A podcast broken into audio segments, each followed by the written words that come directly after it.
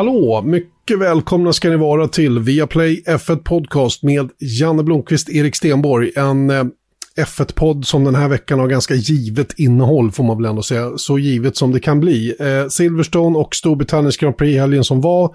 Kontroversiellt resultat, kontroversiell händelse. Eh, ett nytt raceformat hade vi dessutom för hela helgen. Så det finns mycket att prata om runt omkring Storbritanniens Grand Prix. Eh, sen hade vi en massa prestationer i racet också som ska premieras respektive kritiseras. Och sen hade vi ju också, eh, eller har vi faktiskt fått förmån att prata med Mr. Hunt. Eh, självklart inte James Hunt, men väl hans son Freddie Hunt. Eh, och lite spännande att höra vad han pysslar med nu för tiden och eh, vad han gjorde på Silverstone då den gångna helgen. Eh, så att där har ni väl innehållet, Erik Stenborg, som är lika laddad fortfarande kanske, adrenalinstinn fortfarande efter racet senast? Mm, det måste jag nästan säga kanske inte adrenalinstinn, men däremot så, så är det någonting som har stannat kvar hos mig och det är just hur fort det svänger i Formel 1. I varje fall i snabba kurvor. Och det är att, alltså Förstappen hade inför söndagens race då 33 poängs ledning över Hamilton. Åker ifrån Silverstone via ett sjukhus, tyvärr då, med bara 8 poängs ledning i VM. Och eh, jag vet inte hur många poäng som eh, Red Bull ledde konstruktörs-VM och nu leder de bara med fyra poäng framför Mercedes mm. då. Så det är, ju, det är ju rätt coolt tycker jag med den här sporten. För det spelar ingen roll i fotboll hur många mål du vinner med. För du får fortfarande bara tre poäng för en vinst. Men i eh, 1 är det någonting annat. Just det. Och, och ehm, ja, det, det, är ju ett intressant, det är en intressant eh, reflektion på helgen som var. En annan är ju hur engagerande sporten har blivit. Eh, kanske inte blivit, alltid är när den här typen av händelser inträffar. Jag har ju en blogg, eh, jag brukar lägga upp en racetråd varje söndag, även under kvalet och så, så får folk då använda det som en diskussionstråd egentligen. Det är uppemot tusen kommentarer så här långt. Eh, och eh, det brukar kanske kunna vara 300-400. Så att ni förstår att det har blivit ganska många fler då. Eh, och det intressanta är ju kanske inte att folk tycker om händelsen. Det intressanta är att alla, precis varenda en, mer eller mindre i alla fall, tycks ha det rätta svaret på varför och hur och vem som hade fel. Och det spelar ingen roll vem av dem vi pratar om här, eh, i vilket läger man befinner sig. Och det här tror jag ligger lite grann i människans natur rent generellt. Att eh, man, man vill ha svar. Man vill, man vill ha svar helt enkelt på varför det hände. Och, och, när man tycker sig ha det svaret på det här själv då, då vill man ju naturligtvis övertyga alla andra om att ja men så här var det ju. Det är, för, det är självklart, för det är självklart i ens eget huvud. Och så uttrycker man det då, inte speciellt ödmjukt då, för omgivningen och sociala medier hjälper ju till då att sprida de här eh, åsikterna och, och det, det, resulterar i en ganska oskön stämning tycker jag. Jag är inte helt bekväm med den.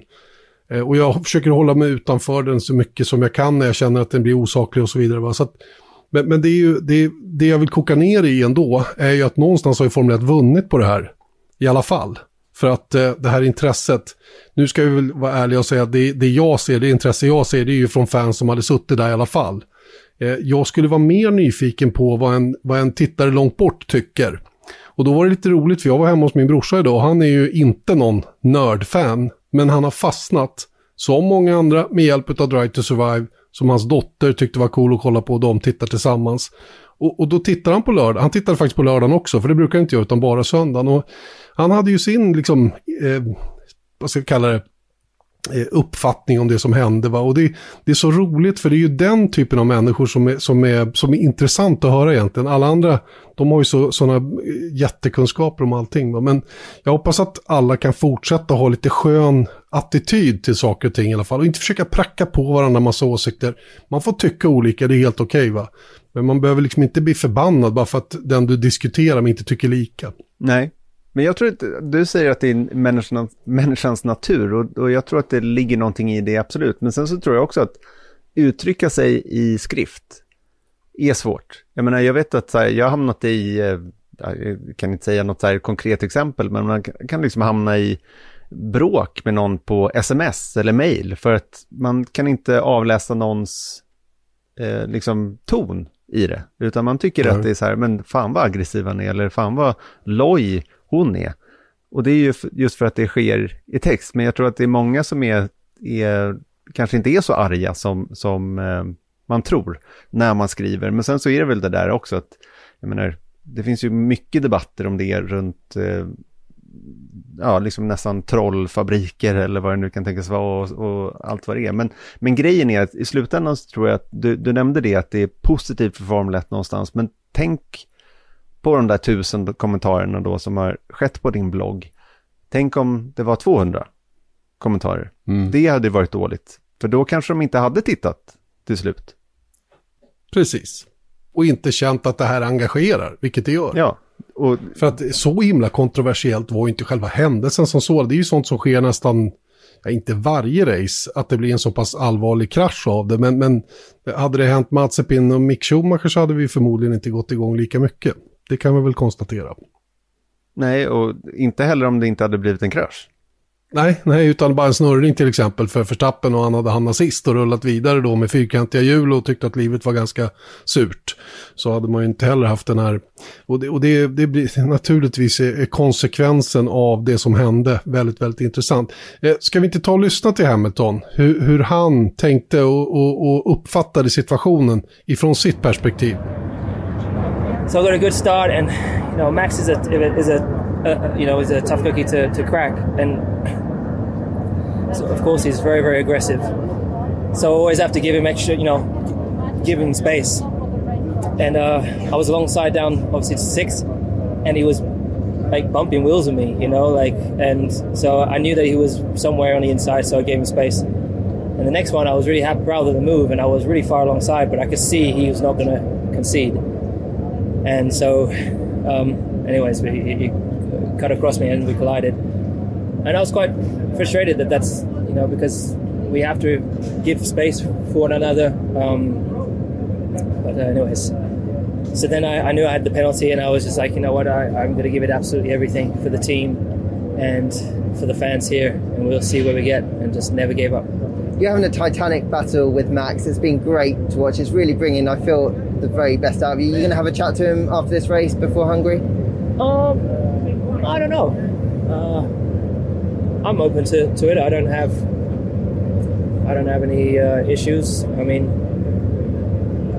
yeah, I don't know really what to say. Just uh, game on. We're just going to keep on being, keep on attacking. There needs to be respect on the track, and if if not, then this will happen more often, I guess. But uh, I'll try my hardest to, to stay, you know, as clean as possible. man kan ju säga så här att han känner ingen ånger. Det kan man väl konstatera. Det kan man definitivt göra och jag tror att det här är med avsikt tror jag. För att det här är, det här är mental, mental management. Eh, och det, han, han är så pass slipad idag, Lewis Hamilton, så att han vet att varje ord han säger, skriver eh, och presenterar vägs i guldskål. Så han är så drillad numera när det gäller de här bitarna. Så att han är oerhört noga med hur han uttrycker sig, även när han sitter i bilen tror jag så, så tänker de verkligen på det här. Och det är ju lite sjukt egentligen att det har blivit så, va? men så uppfattar jag det. Och han vill verkligen inte ta på sig någon skuld för det som inträffade. Han ger sin bild bara. Han berättar sin story om hur han upplevde det, bara. Ingenting annat. Väver inte in vad som hände med Verstappen eller någonting. Han bara berättar sin story. Och så stannar han med det. Mm. Vilket frustrerar den andra sidan naturligtvis då. Som inte tycker att han erkänner då att han gjorde fel, han blev bestraffad. Men det är, det är liksom, det är egentligen ganska smart av Lewis Hamilton att agera på det viset. För hans egen del. Mm. För sakens skull kanske vi ska ta in då vad, vad eh, Verstappen åtminstone sa på sociala medier. Att han han, eh, för det första hamnar han på sjukhus för en hjärnröntgen. Han, han släpps eh, ifrån sjukhuset eh, direkt egentligen, så det var ingen större fara med honom, tack och lov. Men han kritiserar ju då sättet som Hamilton firade på. För han tycker det var, var unsportsman-like, va? Är väl han säger. Att, eh, att eh, han sitter på sjukhus, och det var egentligen Hamilton som, som satte honom på sjukhus och eh, han bara firar som ingenting hade hänt. Eh, det var hans respons på ja, hela incidenten egentligen. Mm. Och det betyder ju att Hamilton har ju redan kommit in under skinnet lite grann. Sen, sen så kan vi liksom, det, det handlar, jag är inte så cynisk så att jag menar på att ja, det där tillhör the, the mind game på något sätt. Va? Men jag, jag tror att jag förstår hur Hamilton agerar i det här läget för att liksom skydda sig själv eh, runt alltihopa som händer för närvarande. Jag tror att han har blivit supernoga med det här ju, ju längre han har hållit på med Formel 1. Att liksom i, stoppa bruset på något sätt va? och bara fokusera på sin grej. Och det, det är han nog tvungen till att göra den här gången också. Max med den kommentaren tycker jag närmast visar sig lite svag, skulle jag säga, mentalt. För att han liksom vill kasta skit. Han är, han är sur och liksom så här. Och så lägger han till då, but we move on. Mm. Säger han då allra sist i det här meddelandet. Va? Som är liksom så här, ja men jag struntar egentligen i det. Va? Vilket han naturligtvis inte gör då, bevisligen. Med den kommentaren innan. Nej, men det är klart. Men du, när vi är inne på en lite mind games och, och liksom tankegångar runt den här grejen. För till syvende och sist så var det här en incident. Var det på andra varvet eller var det på första varvet? Eh, första. Första varvet. Första varvet. Ehm, och då är det ju så att det är en jäkla fight mellan Hamilton och Verstappen under hela varvet fram tills dess de når fram till Cops Corner. Hamilton går in på insidan, understyr in i, eh, i Verstappen som går av i hög fart ut i räcket, eller ut i, i däcksbarriären helt enkelt. Och eh, det blir röd flagg och allt, alltså ni såg väl sannolikt racet och ni, om ni inte såg racet så har ni säkert sett incidenten. Men om vi ska komma in lite på så här, vad det var som hände, vems fel var det och allting sådär, så, så såg jag en tweet från Saubers gamla reservförare Raffaele Marcello. Vann han Formel 2? Eller kom han tvåa i Formel 2? Mm, ja, han vann nog inte Formel 2 va, det gjorde han inte. Men han tävlade ju mot Felix Rosenqvist i F3 och de är bra kompisar tror jag fortfarande och sådär. Så han, han har varit duktig verkligen. Mm. Och han skrev egentligen så här, hade jag varit Hamilton så hade jag också gjort som Hamilton. Och hade jag varit Max så hade jag också gjort som Max. Och jag tycker det var ganska bra sagt och det liksom visar på något sätt att det inte är svartvitt. Eh, och att det finns två olika perspektiv i en sån här incident, alltid. Och jag tror att jag förstår bådas perspektiven helt enkelt. Och på något vis var det som skedde liksom oundvikligt. Det har varit en fight mellan de här två. Det har man ju sagt nästan sen starten, om man insåg att eh, shit, Red Bull och Mercedes är jävligt jämna det här året. Och då har man ju nästan trott att så här, någon gång kommer det smälla och nu gjorde det det. Men låt mig förklara på ett lite filosofiskt plan hur jag tänker, utan att för den sakens skull ta in värderingar om rätt och fel här. Ehm, om man tar det från Hamiltons perspektiv till att börja med då, att VM håller på att rinna ur hans händer. Han var tvungen, eller kände sig tvungen att vinna det här racet och han fick en så kallad run, såg en öppning och så gick han för den på insidan i, i Kops då. På andra sidan har vi Max Verstappen i VM-ledning med 33 poäng. Han kunde ha förutsett Hamiltons desperation i det här läget. Hans, I hans underläge och att de var på hemmaplan och tänkt till. Kanske hade han kunna tänka sig, nu har jag en desperat Hamilton på insidan i Kops. Behöver jag vinna det här racet här och nu, börja backa ur och ta honom senare med min marginellt snabbare bil? Eller kan jag rent av nöja mig med andra platsen i värsta fall? Och det ligger ju såklart inte i Max Verstappens natur att tänka så och backa ur.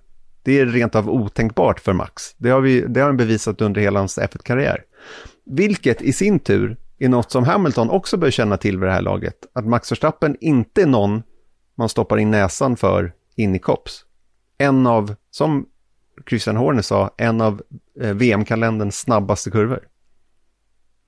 Och jag vill bara avsluta den där grejen då med, det här är ju ord utan liksom verifierad eh, verklighetsförankring, men min magkänsla säger mig att det kan ligga någonting i det här. Och det är därför jag ser, eh, återigen, utan att lägga någon värdering i vad som hände, så tror jag ändå att det var oundvikligt att det skulle ske. Vad säger du om det? Att de förr eller, att de förr eller senare skulle krascha. Jag tycker att det ligger mycket i det sättet att tänka. Eh, jag tror definitivt att vi har kommit till ett läge på säsongen när det är dags att börja tänka på mästerskapet. Och det smyger sig in i huvudet. Du var inne på det förra veckan, jag tror vi pratade om Nico Rosberg som vägrade konsekvent att prata om mästerskapet. Bara tog tävling för tävling för tävling och laddade stenhårt på, på allting hela tiden. Va? Och det, jag tror att det är det här någonstans mittemellan det som de har hamnat nu killarna i, i, i årets mästerskap. Vi, vi har då en Max Verstappen som inte har vunnit något VM ännu. Vi har Lewis Hamilton som har vunnit sju VM. Det är Max som leder ganska klart, har dessutom haft ett bilövertag så här långt. Mercedes strider med näbbar och klor för att komma tillbaka och vet ju att hemmaplan på Silverstone är en bra möjlighet att klå tillbaka lite poäng. Så det är klart att de här två sakerna smyger sig med i de, de mentala förberedelserna. Eh, och eh, hela den här grejen. Va? Däremot så tror jag att i själva situationen som sådan, då är det racinginstinkten som gäller, ingenting annat. Eh, men, det, men den instinkten styrs då i sin tur av det förberedda, förberedande mentala Exakt, arbetet. de har, hur redan, ska, menar, de har det med sig i ryggsäcken. Precis, va? Exakt. Va? Hamilton säger ju till exempel nu i efterhand då att nu är det slut på det här. Nu är det game on. Nu kommer inte jag backa ur några mer gånger. Han har gjort det vid ett par tillfällen tidigare, undvikit kontakt mer eller mindre de två emellan. För att Verstappen har använt sig av sin taktik då, som är att sätta hårt mot hårt. Det är en stor risk att göra det, för att om den andra gör det också, då smäller det. Sannolikt för båda. Och så är det färdigt. Eh, och det här har han kommit undan med väldigt, väldigt frekvent då, framförallt i år då, mot just Lewis Hamilton och Hamilton känner sig säkert manad då att bita ifrån. Eh, jag tror dock ändå inte att det är det som styrde varför det blev som det blev just i den här situationen. Utan för mig så, och nu blir jag lite som alla andra, nu kommer jag med min patent, mitt patentsvar på alltihopa det här, men jag är kanske lite mer ödmjuk med det för att jag har ju inte alla de eh, verktyg som till exempel domarna har för att, för att veta varför det blev som det blev. Men, Men, men du jag Janne. Blomqvist. Ja, ja, visst det är jag. Och jag har sett en och annan racertävling, vilket många andra har gjort också. Så jag är inte unik på det viset heller. Men så här ser jag det. Jag tror att Lewis Hamilton fick en sån, han, han hade en sån jäkla flyt ut på första varvet. Han var ju på väg att ta förstappen långt, långt tidigare. Eh, ner mot kurva 1 till att börja med. Hem, förstappen bet ifrån, det var in i Brooklands. Där, där Förstappen bet ifrån och så tog han lite höjd ut genom Luffield, Woodcott och så fick han ju då bättre fart ut på gamla start och mål. Eh, Verstappen går in, försöker täcka insidan, tror nog att han har täckt insidan redan och börjar glida tillbaka i tron om att Hamilton då ligger kvar där bakom och tänker stanna där bakom. Går in i kurvan, men då är ju Hamilton där. Men Hamilton ser att här börjar det bli ont om plats nu. Så han gör ju en snabb inbromsning, bilen rycker ju. Man kan ju se på tv-bilden hur den snabbt går bakåt precis när de börjar svänga in. Och det är ju för att Hamilton börjar inse att det här kommer att bli svårt att, att få plats med. Det som då händer, tror jag, är att Hamilton får understyrt i den turbulenta luften från Red Bull-bilen. Och kan då inte hålla den på en linje som gör att han till att börja med kommer ner mot Apex.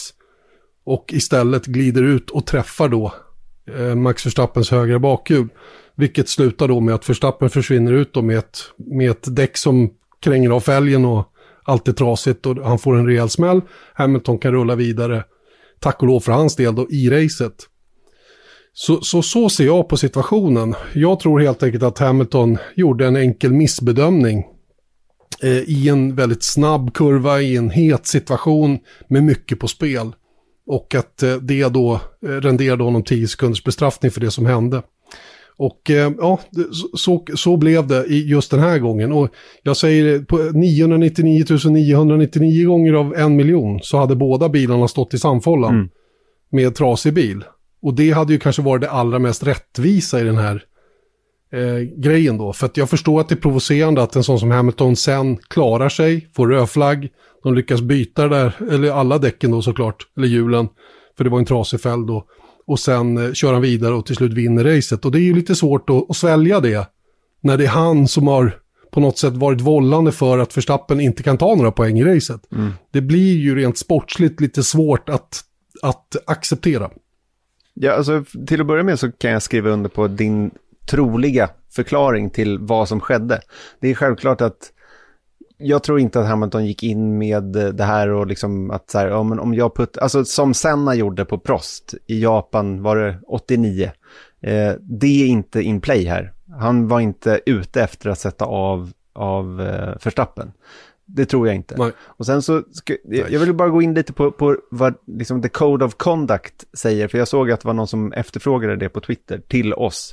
Och det är egentligen, alltså det finns massor av regler och sen ska man ju då tillägga att alla de här reglerna ska sen tolkas utifrån varje situation, för det finns inte liksom i COPS, då finns det den här Code of Conducten och sen så när det kommer in till Beckett, då finns det den Code of Conduct. Utan det här är liksom generella grejer. Och i slutändan är det så att i, i, ska du köra om i en kurva, vilket det här var då, en, en kurvomkörning, det var inte en inbromsning eller någonting annat, utan då ska det vara, går du på utsidan, då ska det vara halv, alltså jämsides med bilen framför. Eller mer, Ja. före. Och då har du rätt att få plats. Går du på insidan, då ska du ha halva bilen eller mer uppe för bilen framför för att ha rätt till plats. Det här dock, det var inte en sån fråga för att Verstappen gav Hamilton plats. Det var inte problemet, utan problemet är sen att, som du säger också, att Hamilton understyr in i Verstappen. Han hade plats på insidan, men han gick in för fort, han hade turbulens eller vad det nu var. Så att han kör in i Verstappen därifrån. Så därav så ser jag Hamilton som vållande och Verstappen snudd på oskyldig faktiskt. Rent praktiskt, med tanke på det här då. Sen så var ju bestraffningen, det är ju nästa fråga då, att det var 10 sekunder eller 5 sekunder eller en drive-through. Det är klart att man, det är svårt att inte värdera en sån här situation utan att titta på vad som faktiskt hände. Hade de bara stött ihop, precis, hade de bara stött ihop lite och eh, eh, Verstappen hade gjort som Leclerc gjorde när Hamilton tog sig förbi honom, att liksom åkte av banan lite grann och tappade position. Då hade ju ingen haft några problem med 10 sekunder. Det är mycket möjligt att han inte hade fått någon bestraffning för det överhuvudtaget då. Så det är klart att konsekvensen finns nog med. Det är nog svårt för domaren att helt bortse ifrån i det här läget. Men det är inte syftet med regeln så att säga. Utan man ska inte titta på så här, okej, killen körde in i, i väggen och dog. Då får man inte mer att per automatik eh, en, en större bestraffning. Med det sagt då, så skulle jag kunna ändå tycka att en drive-through hade inte förvånat mig om man hade fått det. Men från mitt sätt att se det så accepterar jag till fullo att han fick 10 sekunder, bara. Mm. Till att börja med så är den här diskussionen om huruvida konsekvens ska vägas in eller inte, den är ju någonting som förarna själva har snackat bort. De vill ju inte ha det så. Eh, jag vet att jag åtminstone var med, du också säkert, när diskussionerna var de omvända. Eh, det var ju en period när allting gav en drive-through eller ett 10 sekunder stop and go-straff och, man, man, och därmed var racet över för den som hade gjort någonting. Och man tyckte så här, men vad fasen, de var ju bara ihop lite grann och då skulle varje, dessutom varje liten kollision då eh, rendera i ett, ett straff. Eh, så då kom man överens då ifrån, från team och förares håll med FIA att nu slutar vi att titta på konsekvensen utan nu väljer vi att titta bara på den isolerade händelsen. Vad är det egentligen den som inom citat gör fel då har gjort och hur, hur grov är förseelsen? Eh, och utifrån det då ska straff delas ut och då kom först fem sekunder och sen så la man till ytterligare då en, en, en nivå som var tio sekunder. Eh, och, och, alla var nöjda och glada. Perfekt, va? då har man ju fortfarande chansen och det, det gör att förarna vågar attackera igen. Det vågade de inte innan. Så det var ju den typen av diskussioner. Så det är ju det som gör att det ser ut som det gör idag. Ska vi då komma ihåg när vi tycker att Lewis Hamilton borde få en, en raceban i, i fyra och ett halvt år. För det är liksom många som är väldigt upprörda och tycker att så här får det inte gå till och hela den grejen. Men vi ska ju också ha klart för oss att hans, det han gör i den här situationen är ju inte någon vårdslös körning. Verkligen inte. Det är inte ful körning som jag ser det, utan det är en missbedömning. Mm. I en väldigt, väldigt snabb kurva i en, en hetlevrad situation. Och han är vållande, det råder inga tvivel om. Jag kan läsa till vad domarna säger till exempel. Va? Då säger de så här, The stewards reviewed video and telemetry evidence, vilket vi alla andra inte har samma i närheten av som vad de har. Bil nummer 33 och 30, 44 eh, åker in i sväng, nummer 9. 33an är i ledningen, 44 något bakom men på insidan. Eh, bil nummer 44 då som är Lewis Hamilton var på en linje som inte skulle nå apex av kurvan, det vill säga tangeringspunkten på insidan. Eh, med tillräckligt med utrymme på insidan för det. Eh, när då bil nummer 33 svänger in. Eh, 44 då, Lewis Hamilton undviker inte kontakten, eh, vänster fram, touchar då höger bak på Verstappens bil och nummer 44 bedöms vara den huvudsakligen vållande i situationen. Inget mer med det. det och det är, så, det är så glasklart som det kan bli. För det är precis det som händer. Och, eh, och, och det ska inte rendera i mer än 10 sekunder. Även om det är nu så att Max Verstappen försvann iväg och hamnade i däckbarriären. För att det var inte en, det var ingen vårdslös körning. Hade han däremot T-bonat någon med avsikt eller något så här, ja men då kan vi börja snacka race ban och allt vad det nu är va. Det, det, är liksom, det, det, får ju finnas lite nyans och lite balans i den diskussionen också kan jag tycka. Va? Men jag ville ge historien bakom eh, varför det är som det är. Varför man delar ut 10 sekunder för ett sånt här straff. Eller för en sån här förseelse och inte en drive-through. Jo, det hänger ihop med att förarna själva inte vill ha det så. Ja, då är vi klara. Vi är lite klara med det i alla fall. Mm. det kommer säkert att komma upp igen där. Men det, det är en, det är en eh, intressant situation tycker jag. Och eh, det, det intressanta, ännu mer intressanta är ju att flera förare i startfältet själva tycker att det är en race incident. Och det var inte långt ifrån att vara en race incident. Eh, men det är just den här grejen att Hamilton har inte riktigt kontroll på bilen. Mm. Och smäller i Max Verstappen av den anledningen. Det är det som man åker dit på. Det är precis samma som George Russell åkte dit på det i sprinten när han körde på Carlos Sainz. Det är för att han, han bromsar för sent, det låser upp, han har inte kontroll på bilen. Trycker av Carlos Sainz från banan och får då tre platsers nedflyttning då. Vilket ungefär motsvarar 10 sekunder skulle jag kunna säga då i ett race. Så att, eh, och sen när det gäller Leclerc, skillnaden mellan Leclerc och Verstappen skulle jag vilja säga också då är att Leclerc då som hamnar i den här situationen när han då blir omkörd av Hamilton, han försöker ju åka fortare än vad bilen klarar.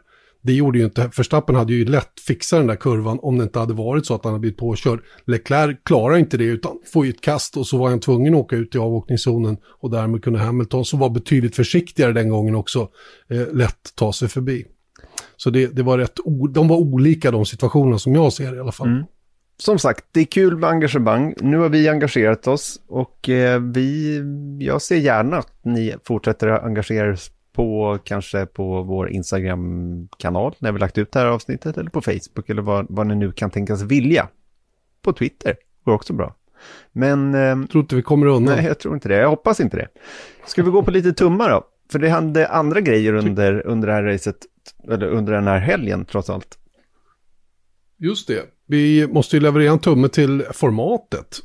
Eh, ska den peka uppåt eller neråt? Det här nya sprintformatet, vad säger du? Jag tycker det är självklart uppåt-tumme. För att jag sa, sa det redan liksom, jag tror att det var inför kvalet eller någonting sånt där. Att, att jag kände redan då att det här är ju bra. Eh, det var liksom nya förutsättningar, det piggar upp som det är. Jag menar om, om en, en eller två träningar regnar bort, det är också kul. Och jag tycker det är lite talande hur mycket, så att säga, bara en timmes träning ger. Det är alltså mer än vad man kan tro tycker jag. Sett till förberedelserna. Det är lite förberedelser nu. Vilket jag tycker är, var riktigt, riktigt bra. Mm, det håller jag med om faktiskt. Eh, det har ju alltid, precis som du säger, det har ju alltid gynnat oss tittare missgynnat teamen att de blir av med träningstid. Och det var ju precis det som hände här. Eh, och jag håller med dig, de här förutsättningarna, de nya, då, de, de piggade sannerligen upp. Eh, jag noterade en del som tyckte, ja sprintrace, vad var det? Det var väl ingen kul det här. Men jag menar, då har man ju, då, någon, då man måste, har man sett Formel 1 någon gång, då vet man ju hur 17 varv Formel 1 ser ut. Mm. Det, är ingen, det, är ingen, det är ingen cirkusföreställning när de åker på framhjulen eller åker upp och ner eller någonting. Så det, det är liksom, de racear. Mm. Punkt. Och det vi fick var ju tre, fyra fantastiska varv i början. Med lätta bilar, nya däck, killar som ger allt som de hade. Det var verkligen ingen hålla igen-körning inledningsvis där, utan vi fick ett ytterligare moment som jag tycker gav mig i alla fall, från den position jag är, någonting eh, som jag tar med mig från den här helgen som är positivt. Mm. Och det där är ju nyckelgrejen, att det är ju, jag har också noterat de här åsikterna om att ja, men det där var ingen kul för att sprintracet i sig, alltså isolerat, det var ingen klassiker. Förutom kanske de fyra första varven. Men jag vidhåller då, det var lite det vi pratade om inför att det här skulle testas då, att, att det gav mer än vad det tog. Vi fick ju de här tre tävlingsmomentet. Eh, vi fick ett kval på fredagen, sprintrace, eller sprinten på, på lördagen och sen så ett Grand Prix på söndagen. Och det allt det kostade var att kvalet flyttades till en annan dag och att FP2 i det här formatet blir lite händelsefattigt, för det är under Park Fermé och de var ute och körde, men jag vet inte riktigt vad man tittade på egentligen. Så att det var kanske det minst intressanta, men det här var ju liksom innan, innan sprinten, så att jag menar, jag tycker det var ganska lätt kostnad att ta för vad vi fick i slutändan. Ja, om det kostade något överhuvudtaget. Det var, jag menar, det där FP2, eh, hur, hur roligt är ett vanligt FP2? Alltså roligt, roligt, men det är alltid kul att se när de kör. Men alltså hur mycket bättre är ett vanligt FP2 än den här FP2-träningen? Inte vet jag. Jag var min, det var, blev ju minus eh, kvalsimuleringarna såklart, då, som vi fick se redan i FP1. Så att, mm. det var möjligen det då som vi tappade. Eh, men en klar tumme upp för, för sprint, eh, sprintformatet. Och då ska vi säga det, för det var också många som inte hade förstått det, att det här är ju ingenting som ska ersätta någonting. Verkligen, och det är inte tanken är inte att det ska bli ett race till. Det var, alla blev så väldigt så här kreativa och ville komma på förändringar. Jag vill att vi gör så här istället. Men det här är ju alltså bara någonting som Formel 1 gör för att vid några enstaka tillfällen under en säsong hitta ett annat sätt att formera griden till racet. Mm. Det är det enda man ska det, det, är liksom, det är utgångspunkten. Sen går det säkert att tweaka till det där lite, men det handlar inte om att göra om ett helt helgformat. Det är inte det som Inte permanent, nej. Utan de ska, köra, nej, nej. de ska köra på Monza, men i Ungern nästa race om, om två veckor, då är allting som vanligt igen och sen så kör de igen då på, på Monza i september och sen någon gång i höst. Så att eh, Just. det är vad det är. Kan, och, blir det, ja. och blir det till nästa år att man bestämmer sig för det här, ja då kanske det blir sex helger, max. För det här måste ju göras på banor som är väl anpassade för det här formatet.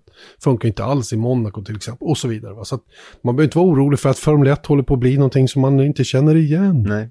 Men eh, jag, jag, skulle gott vilja se det i Baku. Det hade varit grymt. Mm. Eh, det finns, finns andra banor. Brasilien skulle vara kul. Om det, det kanske rent av, om det nu blir ett brasilianskt Grand Prix så skulle det vara ett passande race tycker jag.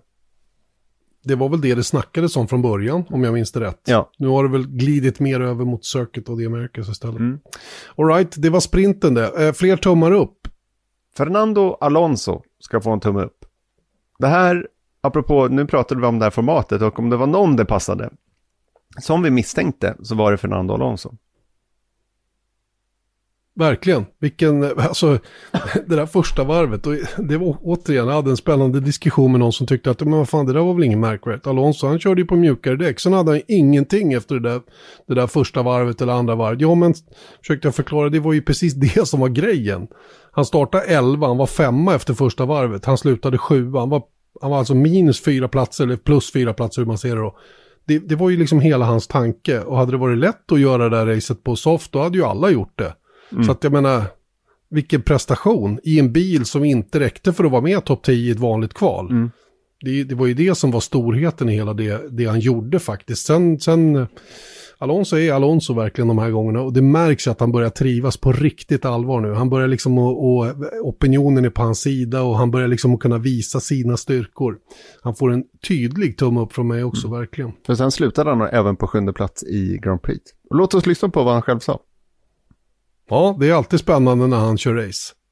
Yeah, very busy. We never have an easy race. You know, we are always in different battles at different times of the race. But uh, yeah, I think a strong, a strong weekend. We've been in the points for the last four or five races. Uh, our best result was Baku P6, but it was a strange race. So today P7 is probably our strongest weekend uh, on race pace, and uh, yeah, happy for that.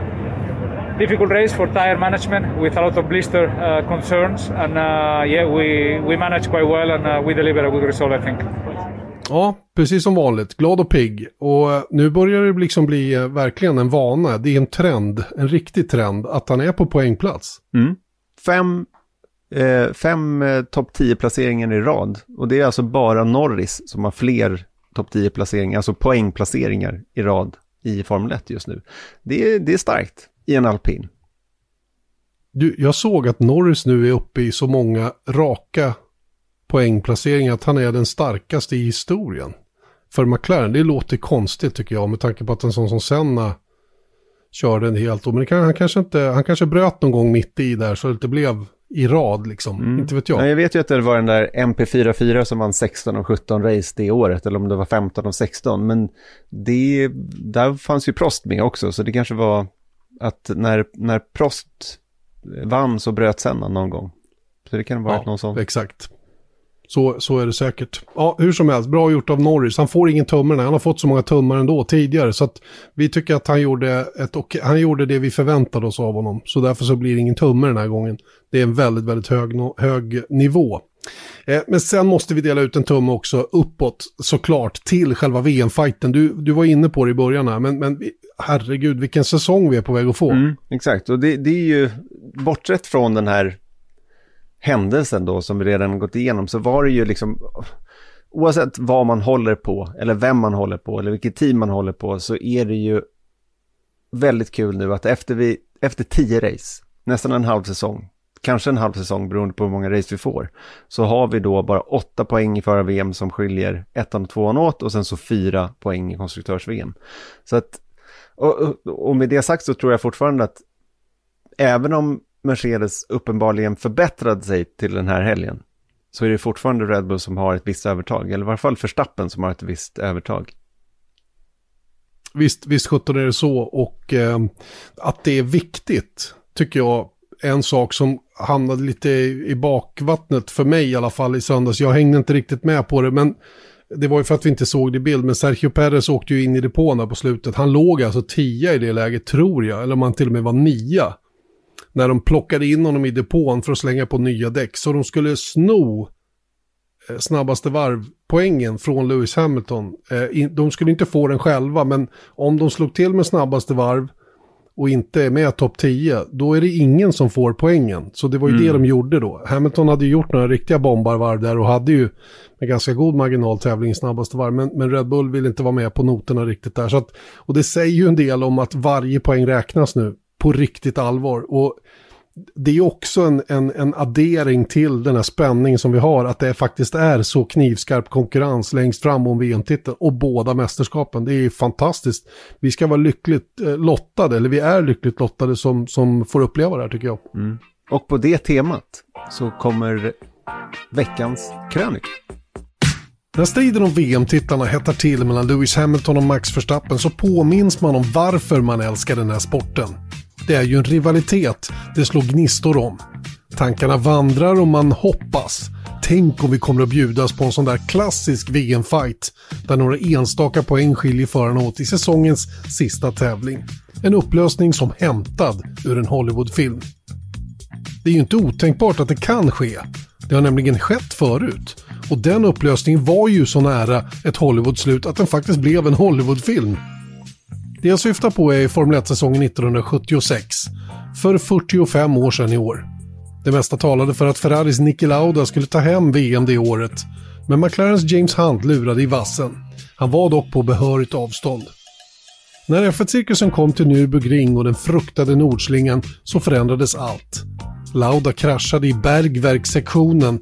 Bilen fattade eld. Lauda blev så illa skadad att han fick sista smörjelsen på sjukhuset. Men Lauda kom tillbaka. Makalöst nog så missade han bara två race och han och James Hunt låg sida vid sida i tabellen när VM-fighten skulle avgöras i säsongens sista race på Fujibanan i Japan. Väderförutsättningarna var fruktansvärda med monsunregn på tävlingsdagen. Och diskussionerna gick heta om tävlingen ens skulle köras. Lauda var emot, Hunt var för. Oavsett så startades tävlingen, redan efter ett par varv så beslutade Lauda sig för att parkera. Trots alla hans vedermödor under säsongen. Han ansåg det helt enkelt för farligt. Och beslutet gav titeln till James Hunt. Men det lustiga med rivaliteten mellan Lauda och Hunt var att de båda var fiender på banan men goda vänner utanför. Osannolika vänner. Utifrån sett ska tilläggas. Lauda var korrekt och allvarlig och James Hunt, ja, inte var han korrekt i alla fall. På hans overall hade han sytt dit en lapp med orden “Sex, the breakfast of champions”. Visst, det här var 70-talet, men minst sagt uppseendeväckande redan då. Det var som att Hunt inte hade något filter mellan hans hjärna och mun. Det han tänkte, ja det kom också ut. Han fick en gång en ärlig fråga rörande hur han kunde vara så snabb, trots att en reglementesförändring tvingat hans stall att göra om luftintagen och vingarna. Svaret kom blixtsnabbt och löd “Big balls” med ett efterföljande leende. Och det finns mer. Efter att ha vunnit Storbritanniens GP på Brands Hatch 1976 så frågades han vad segern på hemmaplan betydde för honom. Svaret? Jo, 9 poäng, 20 000 dollar och en hel massa glädje. Innan han ryckte åt sig en cigarett. Och nu för tiden hoppar vi upp och ner i sofforna när Kimi Räikkönen tar en glass. Kimi ser i minsta fall hel och ren ut. I officiella sammanhang. Det sket han högaktningsfullt i. Han spatserade mest runt i depån barfota, avklippta jeans och en smutsig sweatshirt. Men snabb var han, både han och Lauda. De satte en stolthet i att köra hårt, men schysst. De litade på varandra och ur den tilliten föddes en ömsesidig respekt. Det bevisas inte minst i hans segerintervju efter att ha tagit hem den här VM-titeln 1976. Också då sa han precis vad han tänkte, utan något filter. Citat, helt ärligt så vill jag verkligen ta titeln. Och jag kände att jag förtjänade den. Men jag kände också att Nicke förtjänade att vinna titeln. Jag önskar bara att vi hade kunnat få dela på den. Jag tror förvisso att Hamilton och Verstappen också känner stor respekt för varandra. Men kanske något mindre sen i söndags. Oavsett så lever hoppet om ett Hollywood-slut.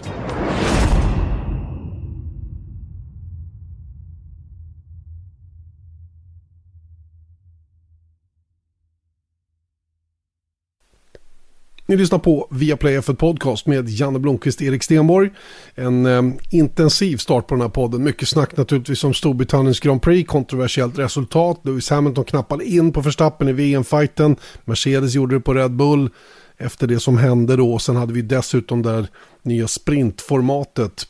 Eh, men eh, innan eh, reklamen här så hörde vi ju om en annan klassisk VM-säsong. Kanske något som vi är på väg emot. Nämligen den för 45 år sedan Erik. Mm, precis, den mellan James Hunt och Niki Lauda då. Och när vi skrev den här krönikan och eh, även den intervju som ska komma här med en av de här personernas söner, alltså Freddie Hunt, James Hunts son, så har jag tänkt en del på, på James Hunt som, som person och jag menar i krönikan så framgår det ju lite vem han var och liksom vad han gav på något sätt i, i Formel 1. Att de, de här krönikorna ska handla om någon som på något sätt förändrade Formel 1 och jag tror att den här VM-fighten för det första då förändrade Formel 1 men även James Hunt som person. Han var liksom han är ju en ikon nu just för den han var gärna den han var utanför banan. Och det, då tänker jag lite på det här med personliga varumärken och just hur Formel 1-förare idag uppfattas på något sätt. Mm. Ja, de är ju inte alltid de roligaste gamängerna och vi vet ju hur vi uppskattar till exempel Lando Norris, Daniel Ricciardo nu då, i samma team hos McLaren som, i, som team betraktat också har vänt på en femöring till någonting helt annat än vi, än vi minns dem under den corporate-tiden då när Ron Dennis var ansvarig för teamet. Zac Brown har en helt annan filosofi. Teamet andas verkligen fan-interaktion. Och jag tycker det är så skönt. Riktigt, riktigt skönt att och, och liksom känna luften runt McLaren-teamet numera mot hur det var tidigare. En väldigt stängd, frusen miljö, så nästan otäckt att gå i närheten av dem. Idag är det någonting helt annat. Och, och ehm, vi vet ju hur en del andra förare då uppfattas. Och jag menar, vi pratade Sebastian Vettel till exempel som är väldigt skygg. Helt ointresserad av hur han uppfattas. Vill gärna inte synas, märkas speciellt. Han kanske gör det ibland i bilen då beroende på vad han gör där. Men i övrigt så vill han, han vill verkligen, han, man vet knappt om han har en familj eller så här. James Hunt var ju den som startade det här med att bygga sig själv som varumärke. Känns det som i alla fall, eller vad säger du? Jo, men jag tror, jag tror faktiskt att han var det på något sätt. Och, och i hans fall så var det nästan så här det råkade bara bli så för att han, han var den han var. Men jag tänker än idag då på, på um, hur folk liksom vill uppfattas på något sätt. Att jag tänker på en sak, en, en jämförelse då som även tas upp i den här krönikan med, mellan med Kim Räikkönen och hur han är. Jag menar, på något sätt så vet man ju om att Kim Räikkönen tyckte om den James Hunt var. Trots att Kim Räikkönen är kanske tvärt emot James Hunt också, sett till hur han talar och ja, men bara ut, heter det utspråkighet? Är det ett ord? Kanske gör.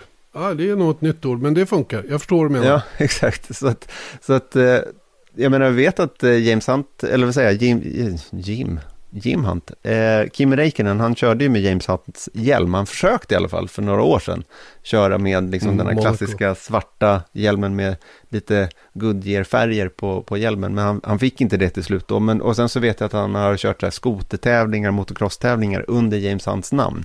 Så att han är ju fortfarande en, en stark påverkan i, i Formel 1.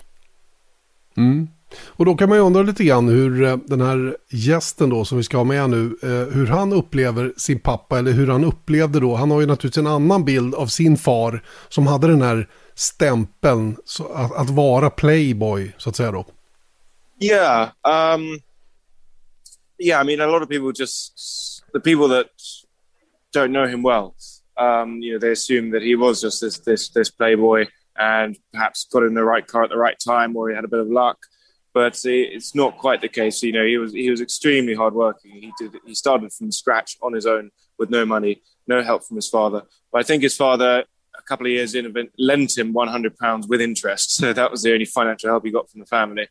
Uh, so anyway, he worked very very hard, and when he was driving um, for many years, it was you know driving with a gun to his head. If he crashed the car, that would be his that'd be game over because he couldn't afford to continue. So that's you know the the side that. Uh, that I, I, would like people to see more, really. And even in Formula in Formula One, you know, yes, he was a partier, but he was, he took it very very seriously indeed. You know, he, we wouldn't be partying and drinking before the race. You know, after the race, of course, but uh, you know, prior to the race, be training hard like like any other driver. So he was a racing driver. You were a racing driver. So it's easy to think that motorsport have been a big part of your life since you were born, but you came into the sport as a driver pretty late. That's right. Yeah, um, I was raised uh, by my mother on horses. She was from a horse background, so I grew up uh, grew up on on horses naturally. And when I was 18 or 19, I think uh, I was introduced to, to motorsport. I knew absolutely nothing about it, but uh, the the opportunity presented itself, so so I, I gave it a try. And it out, you know, I love driving cars. Why was it? Why was the interest not there? But Like just from the start? Well, we just never never knew anything about it. We never went never went to the races, um, and I was just just concentrating on on, on my on myself and my, my school and, and, and, the horses really. So it was. I never made a conscious thought. Oh no, I don't want to do that. It just it never the opportunity never presented itself. Did you fully realize your father's status in motorsports before you started racing yourself? No, that was a bit of a shock to me. Yeah, it was. Um, yeah, I, I struggled in the, in the early years of my of my racing career because I couldn't, I didn't know how to handle the pressure. I didn't know how to handle photographers, media, journalists, etc. And and in the in the race, well, in, in any competitive environment, in qualifying in the races, I, I would freeze up and put so much pressure on myself to deliver because I knew I could. I knew I was fast um, and and I, and I wanted to deliver that speed in the race, but I didn't know how to do it. I didn't know how to relax behind the wheel, and finally, I managed to managed to sort that problem out. So you started in Formula Fords. How has your career progressed from there, and, and what is your focus at this point? Well, in, in 2009, so Formula 4 was 2007. 2009, I stopped racing because I was getting so upset by you know, my problems on track um, so I couldn't seem to get my head right. I mean, I had some serious psychoanalysis and you know, mental and physical analysis. They couldn't find anything wrong, and it was purely I cared too much. I wanted it too badly and put too much pressure on myself. So I stopped racing because I couldn't figure it out. And uh, and then it wasn't until well, I did a couple of races in 2012, just invitation races, and they went really well. I thought, hmm, what's the difference? The difference was I was no longer considering myself professional. Thus, I didn't put the pressure on myself, and therefore I could drive, you know, to my own um, uh, ability. And so that was quite nice. And then in 2013, and I went to a race and and I thought, well, I, I missed this, and I would like I would like to give it another go. So I looked for sponsorship in Argentina with no luck. So I moved back to the UK in 2014 and started racing then. And and I, I've now shifted my, my attention from I was focused on single seaters with the ambition to go to Formula One. Uh, but now I've, I, am I'm, I'm all set on uh, Le Mans. So endurance racing, it does actually suit me better. So long, more, much longer time in the car, I can sort of relax and get and get into a groove easier and get, get into that sort of nice rhythm. And mm. so yeah, I've been I've done some LMP3 races. So the next step would be LMP2, or I mean I might do G- LM, LMGTE. Uh, so yeah, I mean there's a possibility of, of the World Endurance Championship next season. Uh, that might be in a Ferrari or it could be an LMP2. I don't know yet. We'll, we'll see. I think uh, prototypes at Le Mans sounds pretty good to me. Yeah, I mean, I, I down downforce. I mean, the, the grip and the, and the, and the braking they have, and they're a lot of power as well. They're they're they're, they're wonderful, wonderful machines. So you touched on it a little bit, but it's not unusual for for sons to famous racing drivers starting racing themselves. We have the Verstappens, we have the Rosbergs, we have the Hills, we have the Magnusens. Uh, but has the Hunt name been been a a burden or a blessing, so to speak, in general? Completely both. Um, I mean, the positive is it's got me into teams like my first season. Yes, I was quick, but I still don't think I would have got that seat in that team if it wasn't for my surname. And a lot of the time, you know, people show interest because of who I am. Luckily, that I am fast, but the burden, of course, is all the attention that I get, and I didn't know how to handle that. Um, I'm getting better at it now, but uh, yeah, it was a real, it was a real. Um, trying to think of a polite word to use. Not it was a real mess my head up in, at the beginning, uh, and now I just got to. I, I need to just you know, put it out of my mind and pretend I'm, it's just me, just me and my mates driving for fun, and that's that's the way I, I, get over it now. If nothing else, the Hunt name has brought you to the British Grand Prix at Silverstone this year, uh, which is where you are when we're speaking, right? Absolutely, yeah. I'm here at Silverstone in the, in the Paddock Club uh, for a very exciting weekend. We had qualifying last night. Yesterday evening was great. We've got one sprint race today, and then the, the main Grand Prix tomorrow. But you're also there as a capacity as an ambassador, right? That's right. Yeah. So I'm I'm I'm working for the official F1 fragrance uh, race ooh, launching their race collection. D- does anyone smell like race fuel and burnt clutch? No, it has hints of it. I mean, you can. It does smell you get the you get the sense of a racetrack, but luckily it doesn't smell like a burnt out clutch because I don't think anyone wants to be wearing a burnt clutch. I think you'd be surprised though with with the, the fans that Formula One has. I, well, you're right. Yeah, some of the diehard fans, yes, but uh, they'll be pleased to know they do they do. You can sell smell sense of race racing cars and racing tracks. So where can I get a bottle? At the moment, just online, f1fragrances.com. Uh, there are some stores in the UK as well, but in Scandinavia it's just uh, on, online, f1fragrances.com. Freddie Hunt alltså, som eh, var kul att, att, lyssna till tycker jag. Eh, en eh, kille då, son till en berömd racerförare och som själv då försöker att tävla. Eh, när vi ändå berör 1976 års säsong, eh, Mattias Lauda var ju också på en hyfsad nivå, i alla fall uppe i DTM och sådär och körde GP2, men, men nådde liksom aldrig hela vägen. Och det är rätt många söner som har försökt leva upp till sina eh, betydligt mer framgångsrika fäder. Mm. Josh Hill är en annan. Däremot så var ju Damon Hill en, en, en, en, en son som lyckades. Han var ju son till Graham Hill så, såklart. Då. Men en reflektion bara från den här intervjun var att jag har ju sett Freddie Hunt på bild tidigare. Men när man väl kopplades upp på det här Zoom-samtalet, vilket det var, så fick jag nästan en chock alltså. För att han var så sjukt lik sin pappa. Och mm. jag tror på ett sätt också att Freddie Hunts, han nämner ju det, att det har varit både en, en, en blessing and a curse att heta Hunt i efternamn. Men nu tror jag att han lever ganska mycket på, på den grejen också. Det är, jag tror inte att det är en, av en händelse som han har långt blont hår och, och liksom, ja, han, han ser ut som sin pappa helt enkelt. Och det var, det var mm. både kul och lite kusligt att se faktiskt.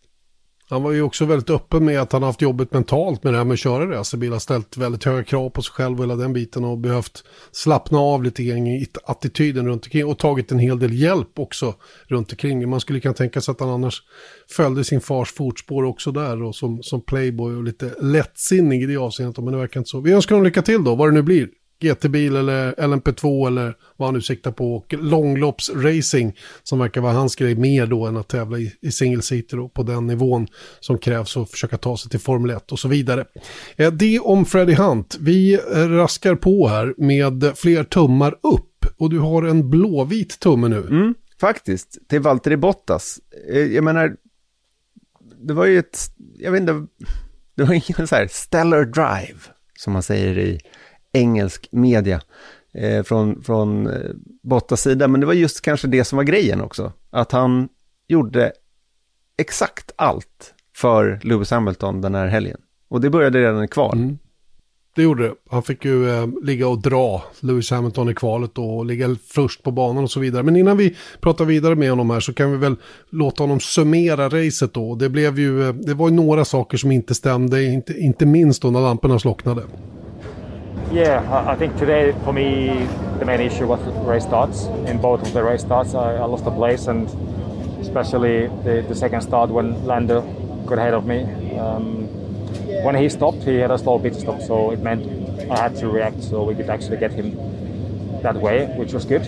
Um, but then I also knew that the winning fight was pretty much gone because my, my last stint was going to be really long and already after 15 laps I had blisters in the front tires. So um, just, yeah, really at the end nursing it home. Ja, Valtteri Bottas där alltså som eh, ja, får, ju, får ju leva med eh, hjälpryttarrollen nu. Det är ju rätt uppenbart att Mercedes har varit hyggligt tydliga mot honom. Och han är ju också en väldigt, väldigt jag sa det i sändningen i söndags, han är ju så sjukt lojal. Han gör det också, det är inga knuss, knusslerier på det viset och, och, det var väl i Spanien det knorrades lite då, för då tyckte han att han fortfarande var med i matchen. Men nu är han ju inte det riktigt poängmässigt och då får han ju liksom finna sig i det här. Plus att jag tror att kontraktssituationen komplicerar hur mycket han kan streta emot så att säga, då, beroende på vad han själv vill till nästa år. Mm, jag tror det. Det var ju i Ryssland för några år sedan tror jag, att som han blev kallad wingman av, av eh, uh, Is the perfect wingman, sa Toto Wolff, eller om det var i Ungern kanske. Mm. Eh, ja, det, nej, det var då efter Sochi. Ja, och eh, då blev man ju riktigt förbannad. Tjurig rent av. Men nu verkar han inte ha några som helst skrupler om det längre. Han är ju the wingman nu och han, det känns som att han liksom omfamnar det vad ska han göra? Jag kommer ju ha dragit det förr, men Rubens Barrichello blev ju inte riktigt bra förrän han bestämde, eller förrän han eh, fick klart för sig att han var aldrig där för att vinna oss Ferrari. Han var där för att göra Michael Schumacher, Michael Schumacher till världsmästare. Då först började det släppa för Rubens Barrichello. Jag tror att det, det handlar väldigt mycket om att acceptera sin situation. Eddie Irvan var ju en annan som snabbt insåg att, att eh, köra mot Schumacher, det handlar inte om att få vinna själv, utan det handlar om att göra ett bra jobb och och göra teamet nöjt istället och leva på den tillfredsställelsen snarare än att vinna stora segrar själv. Mm. Och då kommer vi in på det här med, med, med hjälpryttare. Man ställer ju sig frågan om det är bra för Formel 1 att, att ha det så tydligt som det är nu då när det är tillåtet med teamorder och så vidare. Mm. Ja, men, och det är ju, men jag tycker att det liksom eskalerar den grejen runt, jag det, men det har alltid funnits första och andra förare och i fallet Schumacher som du pratar om där, det har ju varit, det var ju oerhört tydligt redan då vad det var som gällde egentligen, så det är ingenting nytt. Men däremot om man tittar nu på titelfighten, och det, det, på ett sätt är det väl så att det är väl så det faller sig när två förare är överlägsna i ett team sett emot, gentemot sina teamkamrater. Men frågan är vad som är hönan och ägget där. Och jag tycker det är lite så här, det, det är lite jobbigt att tänka sig att det är inte 20 förare som ska tävla om VM, oavsett på vilken nivå de gör det, utan det är 10. För jag tror, jag tror mm. att det liksom, vi närmar oss det mer och mer nu. Om du ska ha en chans att vinna VM, då måste du lägga allting på ett kort. Och det känns ja, inte riktigt jag, bra. Jag, jag har sagt i många år att det är på det viset att, att det, går, det finns inget team som klarar att matcha två förare mot VM-titeln om det nu råkar vara så att man har ett VM-vinnande material att tillhandahålla sina förare utan man måste bestämma sig för en etta där. Det tar för mycket kraft att tävla mot varandra. Och eh, det är ju precis det vi ser i, i de flesta team då när det börjar dra ihop sig, när man kommer till flaskhalsen så att säga, va? då gäller det att välja rätt, rätt häst eh, i fighten där och eh, det tror jag, det kommer aldrig att förändras. Det jag tycker är synd bara, det är att inte Formel 1 är tydligare med det här så att man kan hylla en hjälpryttare för de starka insatserna som det arbetet innebär, för det är ju långt ifrån enkelt. Men jag tycker man ska ha cred för det på ett sätt som man inte får idag för att man tror att två förare tävlar på exakt samma villkor och hela den biten. Då är det bättre att man är, att man är tydlig med de här grejerna och säger att vi, vi går som ett lag. Men problemet är att det finns två mästerskap, ett, ett förar-VM och ett konstruktörs-VM och, och ja, det, det, där är ju en gammal, gammal sliten diskussion som vi inte behöver dra upp här då. Men, men eh, det är ju inte, det är inte roligt att vara nummer två, det tror jag inte. Enda avarten är egentligen i Mercedes, eller när ett team är så pass överlägset att de bara tävlar internt, då är det en annan femma. Och det är ju där Mercedes har varit de senaste sju åren, men det är egentligen bara Rosberg som har rått på Hamilton i, i det läget och då hade de ju svårt att inte låta dem tävla, för att vilka andra skulle tävla med dem? Samtidigt som de också är livrädda för att hamna i den sitsen igen. Det var ju alldeles fruktansvärt med det här internkriget de hade och det är ju precis därför man måste bestämma sig för en ett och tvåa. Det blir för slitsamt helt enkelt för organisationen att ha eh, massa fight internt, att man eh, hemlighåller data för varandra och sådana grejer. Sånt som ska ta ett team framåt som helhet. Mm. Vilket faktiskt leder oss in på nästa tumme som faktiskt går nedåt. Trots, det är nästan sjukt att man skulle ge det här nedåt-tumme. Men det är nog lite av vad, vad slutresultatet till slut visar. Och det är till George Russell. I mean, it's always a bit disappointing when we go backwards on a Sunday, but ultimately it's because we keep out, out qualifying the true pace of the car and how, how we keep doing that, I don't know. And uh, to battle with uh, Aston Martins, Alfa Romeos, Alfa Tauris, who are even like a Red Bull today, you know, it makes it so, so difficult. Um, but, you know, it's been three top 12s in the last four races, fighting for points, three of those um, I guess before these last four races, we'd, we'd have definitely taken that. And we seem to have made a, a, small step forward. We seemed, for whatever reason, to have made a step forward, but we're still on paper ninth quickest team. Which um, you know, when you qualify in P8, for example, and you've got you know, eight faster cars behind you, um, and substantially faster in, in race trim, it makes it so so tricky. Ja, George Russell, han eh, kämpar verkligen med att försöka ta de där VM-poängen nu då, men eh, det räcker inte till. Bilen räcker inte till. Ehm, och ehm, det är ju, vi, vi, vi, vi, vi, det vart väl precis tvärtom förra veckan tror jag. Han fick tumma upp då, fastän racet inte blev, slutresultatet blev inte så bra, för han kvalade så bra. Den här gången blir det tvärtom då. Han gör ett magiskt kval egentligen på fredagen. Eh, men vi visste ju egentligen på förhand att han skulle få svårt att försvara den positionen. Nu gick det okej okay i sprinten. Men i, i racet tappade han ner till 14 plats på första varvet och det är inte okej. Okay. Då tar du inga VM-poäng oavsett vad du kör för bil om du gör sådana första varv. Och dessutom så fick han ju tre platsers nedflyttning också, vilket var ju onödigt när han körde in i Sainz där. Så det, där, eh, det var ju lite självförvållat måste man ju ändå säga. Verkligen. Och eh, ja, det är frustrerande såklart, det fattar man ju va. Och på tal om Bottas så var det ju helgen vi var så tvärsäkra på att det skulle bekräftas att Russell skulle köra för Mercedes. Eh, jag har inte ändrat uppfattning om det, verkligen inte. Va? Det är bara det att de har skjutit på själva beskedet. Eh, och jag tror att han kommer att komma dit till slut. Eh, och eh, varför det dröjer, ja, min teori är väl nu kanske att eh, det, det, det, de, det, det, de väntar på så att säga, det är ju vad som ska hända med Bottas. För jag tror att Mercedes är väldigt inblandad i Bottas framtid, även om man inte kommer köra för huvudteamet. Eh, och eh, ja, låt oss se vad som kommer att hända då. Vad, vad ser du för fördelar respektive nackdelar här nu då? När det gäller Bottas och Russell. Du hade lite tankar där. Jo, och det har ju att göra med det här med hjälpryttarstatusen. För att om det är nu så som du tror att det är, vilket ja, historien har ju utvisat det också, att, att eh, det är en förare man ska gå på. Nu har vi eh, Hamilton i Mercedes till och med 2023 va? Eh, just det.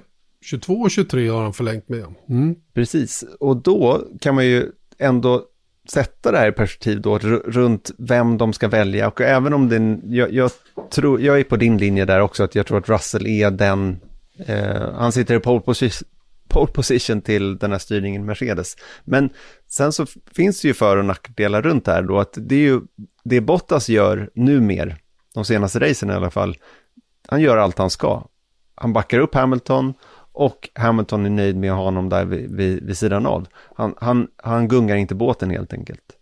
Eh, Medan då Russell, han kan ju vara, mycket väl vara snabbare än Bottas. En bättre förare än vad Bottas är i Mercedes från och med 2022. Men då är det återigen den här frågan, är han supersugen på att hjälpa Hamilton? Om det är nu det som ska ske i en, v, i en titelfight 2022-2023, beroende på hur det ser ut då för Mercedes. Och det är där jag tror mm. att det är inget så här clear cut val, även om jag tror att kanske valet redan är gjort och att man någon gång, om man inte ska tappa Russell så måste de ju göra någonting av honom. Man kan inte sätta honom en säsong fyra i Williams, det tror inte jag heller. Eh, men däremot så är det ju inte, av den anledningen så tror jag inte att det är ett självklart val ändå. Nej, det är det väl kanske. Ja, jag, jag, jo, jag tror att det är ett självklart val. Men jag tror att det här, den här farhågan att de skulle få eh, jobbigt då med en, med en eh, superhet Russell som eh, inget annat vill än att slå Lewis Hamilton. Jag tror att Merca lätt, lätt kan fixa det eh, genom att vara öppna, tydliga och att Russell också vet att framtiden är hans. Eh, han kan nog leva med att, eh, att köra som nummer två de här två säsongerna vi pratar om då, 22-23. För att sen då ha groomats in att ta över den där positionen som nummer ett i teamet. Och, och eh, det, det, tror jag inte Russell kommer att ha några större problem med heller. Han kommer att få tid att visa att han är duktig ändå. Sen kanske han då, går någon gång då och då. Och skulle det visa sig i inledningen på en säsong att han, att han eh, slår Hamilton fair and square utan att teamet kan påverka det så att säga. Va? Då kommer ju de att flytta fokus såklart på den som har bäst chans. Och, och klarar han av en sån grej Russell, va? Då, är ju, då är ju läget under kontroll. Problemet är att de börjar, om de börjar racea varandra, va? Då, det, är då, det är då teamet måste ha ett starkt ledarskap. Och jag tror att Toto Wolf har det. Så att det där kommer de att lösa. Mm. Ja, det är precis det jag tänker på i, i just den här grejen. Att, för att om det är någonting man vet, vet om Formel 1, trots att då Mercedes har varit så dominanta i sju raka säsonger, så är det ju ingenting för evigt. Så att jag tror att en sån som Russell känner sig att race 2, okej vi är med, nu har vi en fight med Red Bull och Ferrari. Och jag ligger, jag är snabbare än Hamilton. Jag kommer stoppa in näsan nu. I Bahrain, eller vad det nu är. Mm. Så, och, och då köra av båda två eller vad det nu kan tänkas vara. Sen säger jag inte att det är Russells fel, det är en hypotetisk eh, situation, men, men det är den de måste vara väldigt försiktiga med, i minsta fall. Visst, visst, visst är det så. Eh, jag gissar att de har någon slags plan för det, oavsett vad som händer. Mm. Eh, vi, vi, han får en tumme ner i alla fall, Russell. Han får skärpa sig till nästa gång. Nej då, jag bara. Han gjorde ett jättebra jobb med sitt kval framförallt och fortsätter ju vara Mr.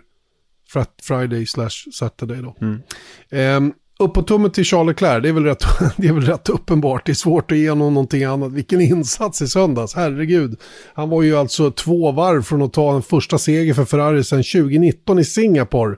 Och han var i ledningen i 49 varv. Självklart fick han det lite till bjuds här va, men otroligt bra insats. Mm. Och jag tycker de där 49 varven sätter ännu mer perspektiv då när man tänker att han har led, varit i ledningen i ett varv i de 27 senaste racen han har kört för Ferrari.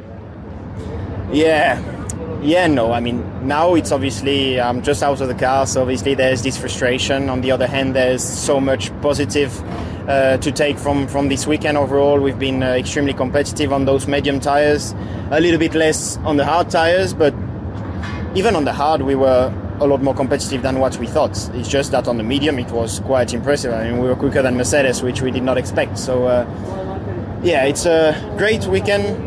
A little well disappointed, obviously, to lose the win uh, so close to, to the end, but it's uh, it's part of racing. Lewis just just was quicker today.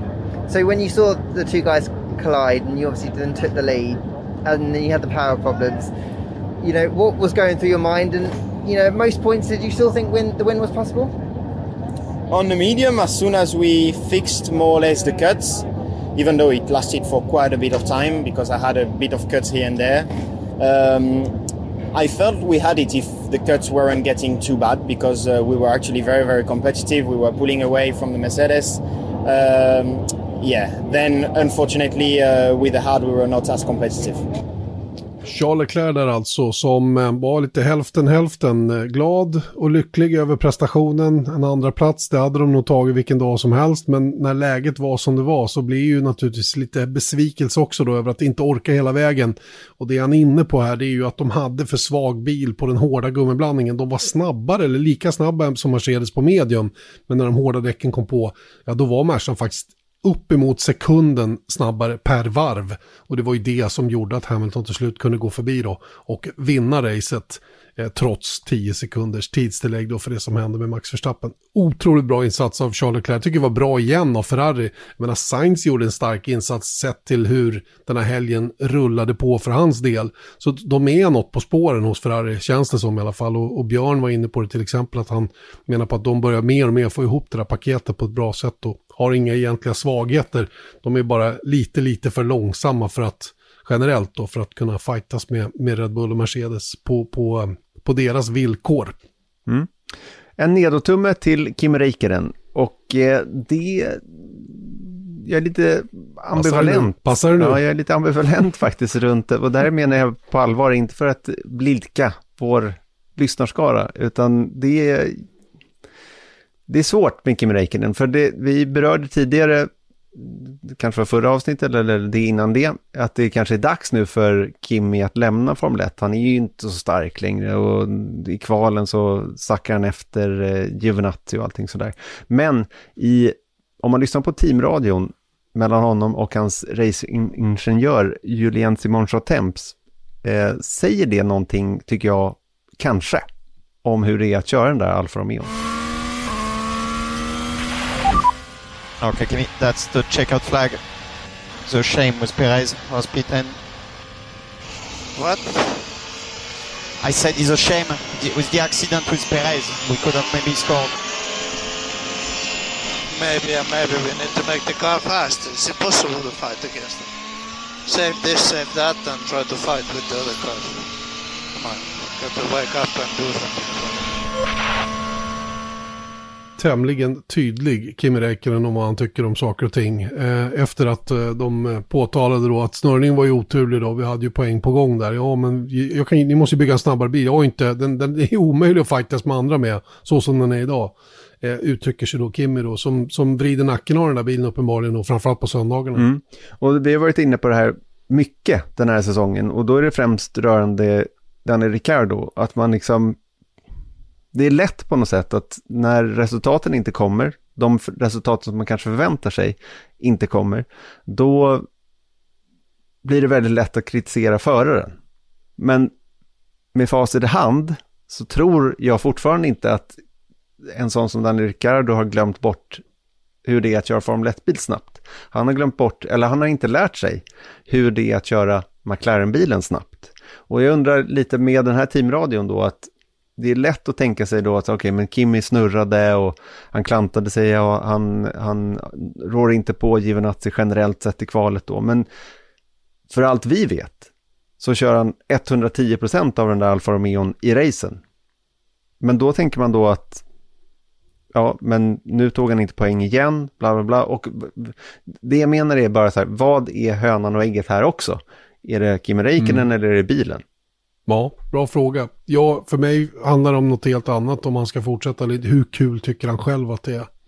Det är ju det är den stora frågan och det har jag ju ställt mig den ganska många gånger när det gäller honom. För han har ju liksom, han har ju varit på vippen att, att man tycker att han ska lämna ganska många år då efter att ha haft bra anställningar, kört för Ferrari, till ja, vad ska han nu ner i där och göra? Vad liksom, men han har ju ändå haft en större kärlek till sporten än vad jag kanske hade förstått.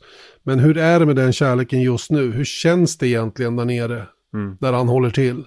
Och där han eh, racear på, på ett sätt som inte han vill. Titta efter blåflaggor och, och liksom inte alls. Han, är ju en, han, han har ju varit i den andra änden. Så att säga. Även om det börjar bli. Det var ju faktiskt tjugonde gången som han körde på Silverstone. Mm. I Formel 1. och det är han ensam om i historien. Det är ju, det är ju helt galet egentligen. Så att jag tror ingen skulle klandra honom om man kastar in handduken efter den här säsongen. och sen kanske inte sker på grund av att han inte har, har speeden längre utan bara helt enkelt inte kanske tycker att det är så, så roligt som det, som det ska vara att vara på den här nivån. Vi får se hur han gör helt enkelt. Fred Vassar har ju varit tydlig med att båda förarna måste kämpa för sina positioner om de ska få vara kvar i, i Alfa Romeo, som faktiskt kommer att heta Alfa Romeo eh, några år till då, med eh, årsvisa eh, utvärderingar mellan Sauber och Alfa Romeo om det här namnet som de köper eh, hos teamet då, att få heta Alfa Romeo. Får vi se hur länge det varar. En sista liten tumme innan vi stänger butiken idag. Ja, och den går... Ganska till... oväntat tumme. Ja, men jag kan ändå tycka det, men det finns en motivering bakom här, för den går nämligen till Sebastian Vettel, som eh, bröt från 17 plats tror jag att det var. Eh, och det var lite klassisk eh, Vettel-race kan jag tycka, med en, åtminstone klassisk Vettel-snurr i fighter hjul mot hjul. Han gick ju upp mot eh, Fernando Alonso och till synes ganska oprovocerat så snurrar han av. Och det där har man ju sett tidigare från, från eh, Vettel. Och sen då så beslutade väl teamet egentligen att, eh, att eh, retire the car eh, när han låg så pass långt efter så att det var ingen idé längre. Men han får den här uppåt-tummen ändå. Eh, för av andra anledningar, det har ingenting med, med vad han gjorde på banan faktiskt, men Hamilton är ju den här front... Vi börjar ana det. Ja, exakt.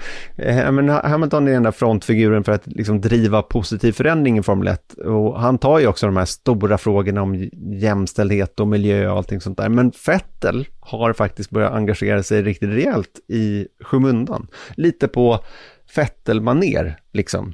Du förstår vad jag menar med Vettel-maneret mm, va? Jag, jag, förstår precis vad du menar.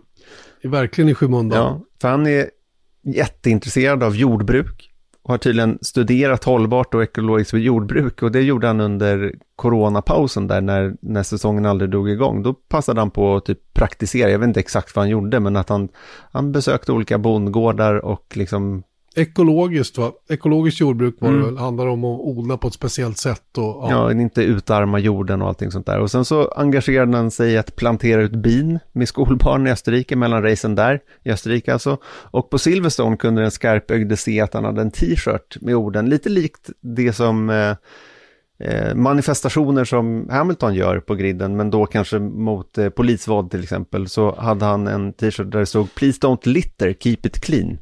Eh, och det är hans liksom hjärtefråga nu, eh, som sagt lite i skymundan. Och det han gjorde sen efter racet, efter att ha brutit det där racet, var att han samlade sedan eh, ihop massa fans från Aston Martin. Det var väl liksom organiserat på något vis, men sen så gick han upp på läktarna, på huvudläktaren där i, i Silverstone och eh, höll tydligen på i flera timmar med att städa upp på läktarna. Ta bort allt skräp som jag folk hade lämnat efter sig. Jag, jag är ju så sjukt cynisk. Jag undrar, jag tänker ju alltid, eftersom jag är så satans lat själv och inte orkar hålla på och göra sådana där grejer, så tänker jag så här, hur kände han för att gå och göra det där efter ett sånt miserabelt race som det blev? Att sätta, sätta igång då och städa på läktarna då för att det är någon marketing, det, det hänger ihop med någonting naturligtvis som man vill göra då med teamet och, och, och för en god sak självklart. Va? Men, men det, man ska vara jäkla stark om man ska göra sådana där grejer. Men han gjorde det? Eh, då. Ja, det, det är det som imponeras av faktiskt, att han, eh, att han är, ehm, att han gör det helt enkelt. Och symbolvärdet är stort, så är det, det fattar man ju. Framförallt hos yngre, tror jag att begripa att man måste plocka upp efter sig. Och eh, jag menar, tänk om man fick alla på en sån här Formel 1-arena att ta med sin egen skit därifrån. Så att ingen behövde städa. Det är ju inte så mycket begärt att man tar med sina egna sopor. Nej.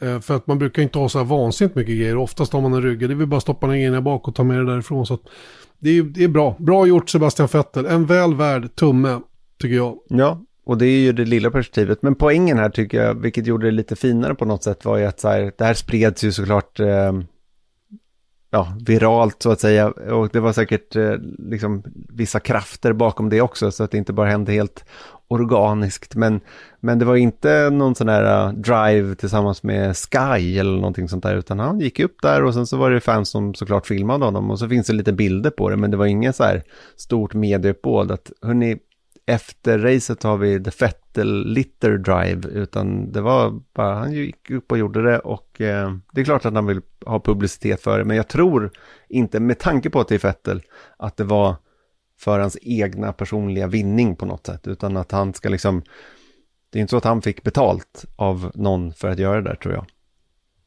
Nej.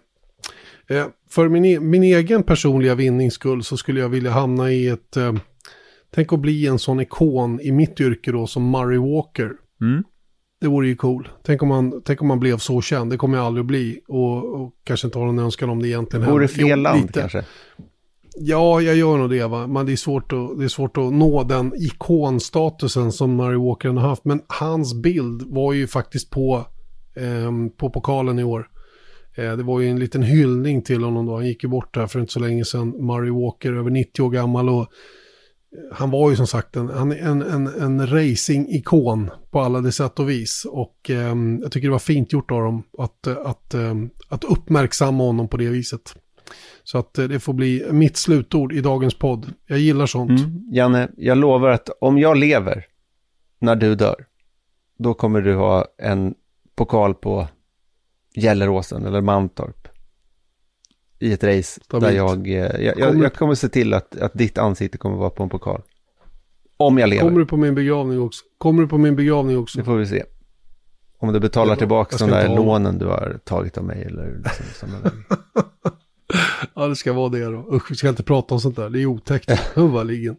Eh, nu så, eh, räcker det. För nu har vi pratat väldigt mycket. Hoppas ni eh, har hängt med på hur vi tänker. Eh, var inte så sura på varandra över det som hände nu i söndags. Utan eh, se, det, eh, se det som en, eh, en krydda. En god krydda på en annars väldigt fin maträtt ändå. Som vi kan få avnjuta om en och en halv vecka då när vi kör i Budapest. Sista racet innan sommaruppehållet. För tänk dig om Hamilton och Verstappen står i första led då. Ner mot första kurvan. Och den där långa, långa högen och vad som kan hända där. Om det är dags att börja sätta hårt mot hårt. Även ner genom kurva 2 och 3. Det där kan bli, eh, det kan bli episkt. Som de brukar säga. Då har vi någonting att snacka om. Det du, kan det vara lugnt för. Vet du. Nästa vecka då är vi tillbaka, då är det racevecka igen. Och eh, tills dess säger vi nu ett stort tack och på återhörande Janne Blomqvist och Erik Stenborg. Hej då!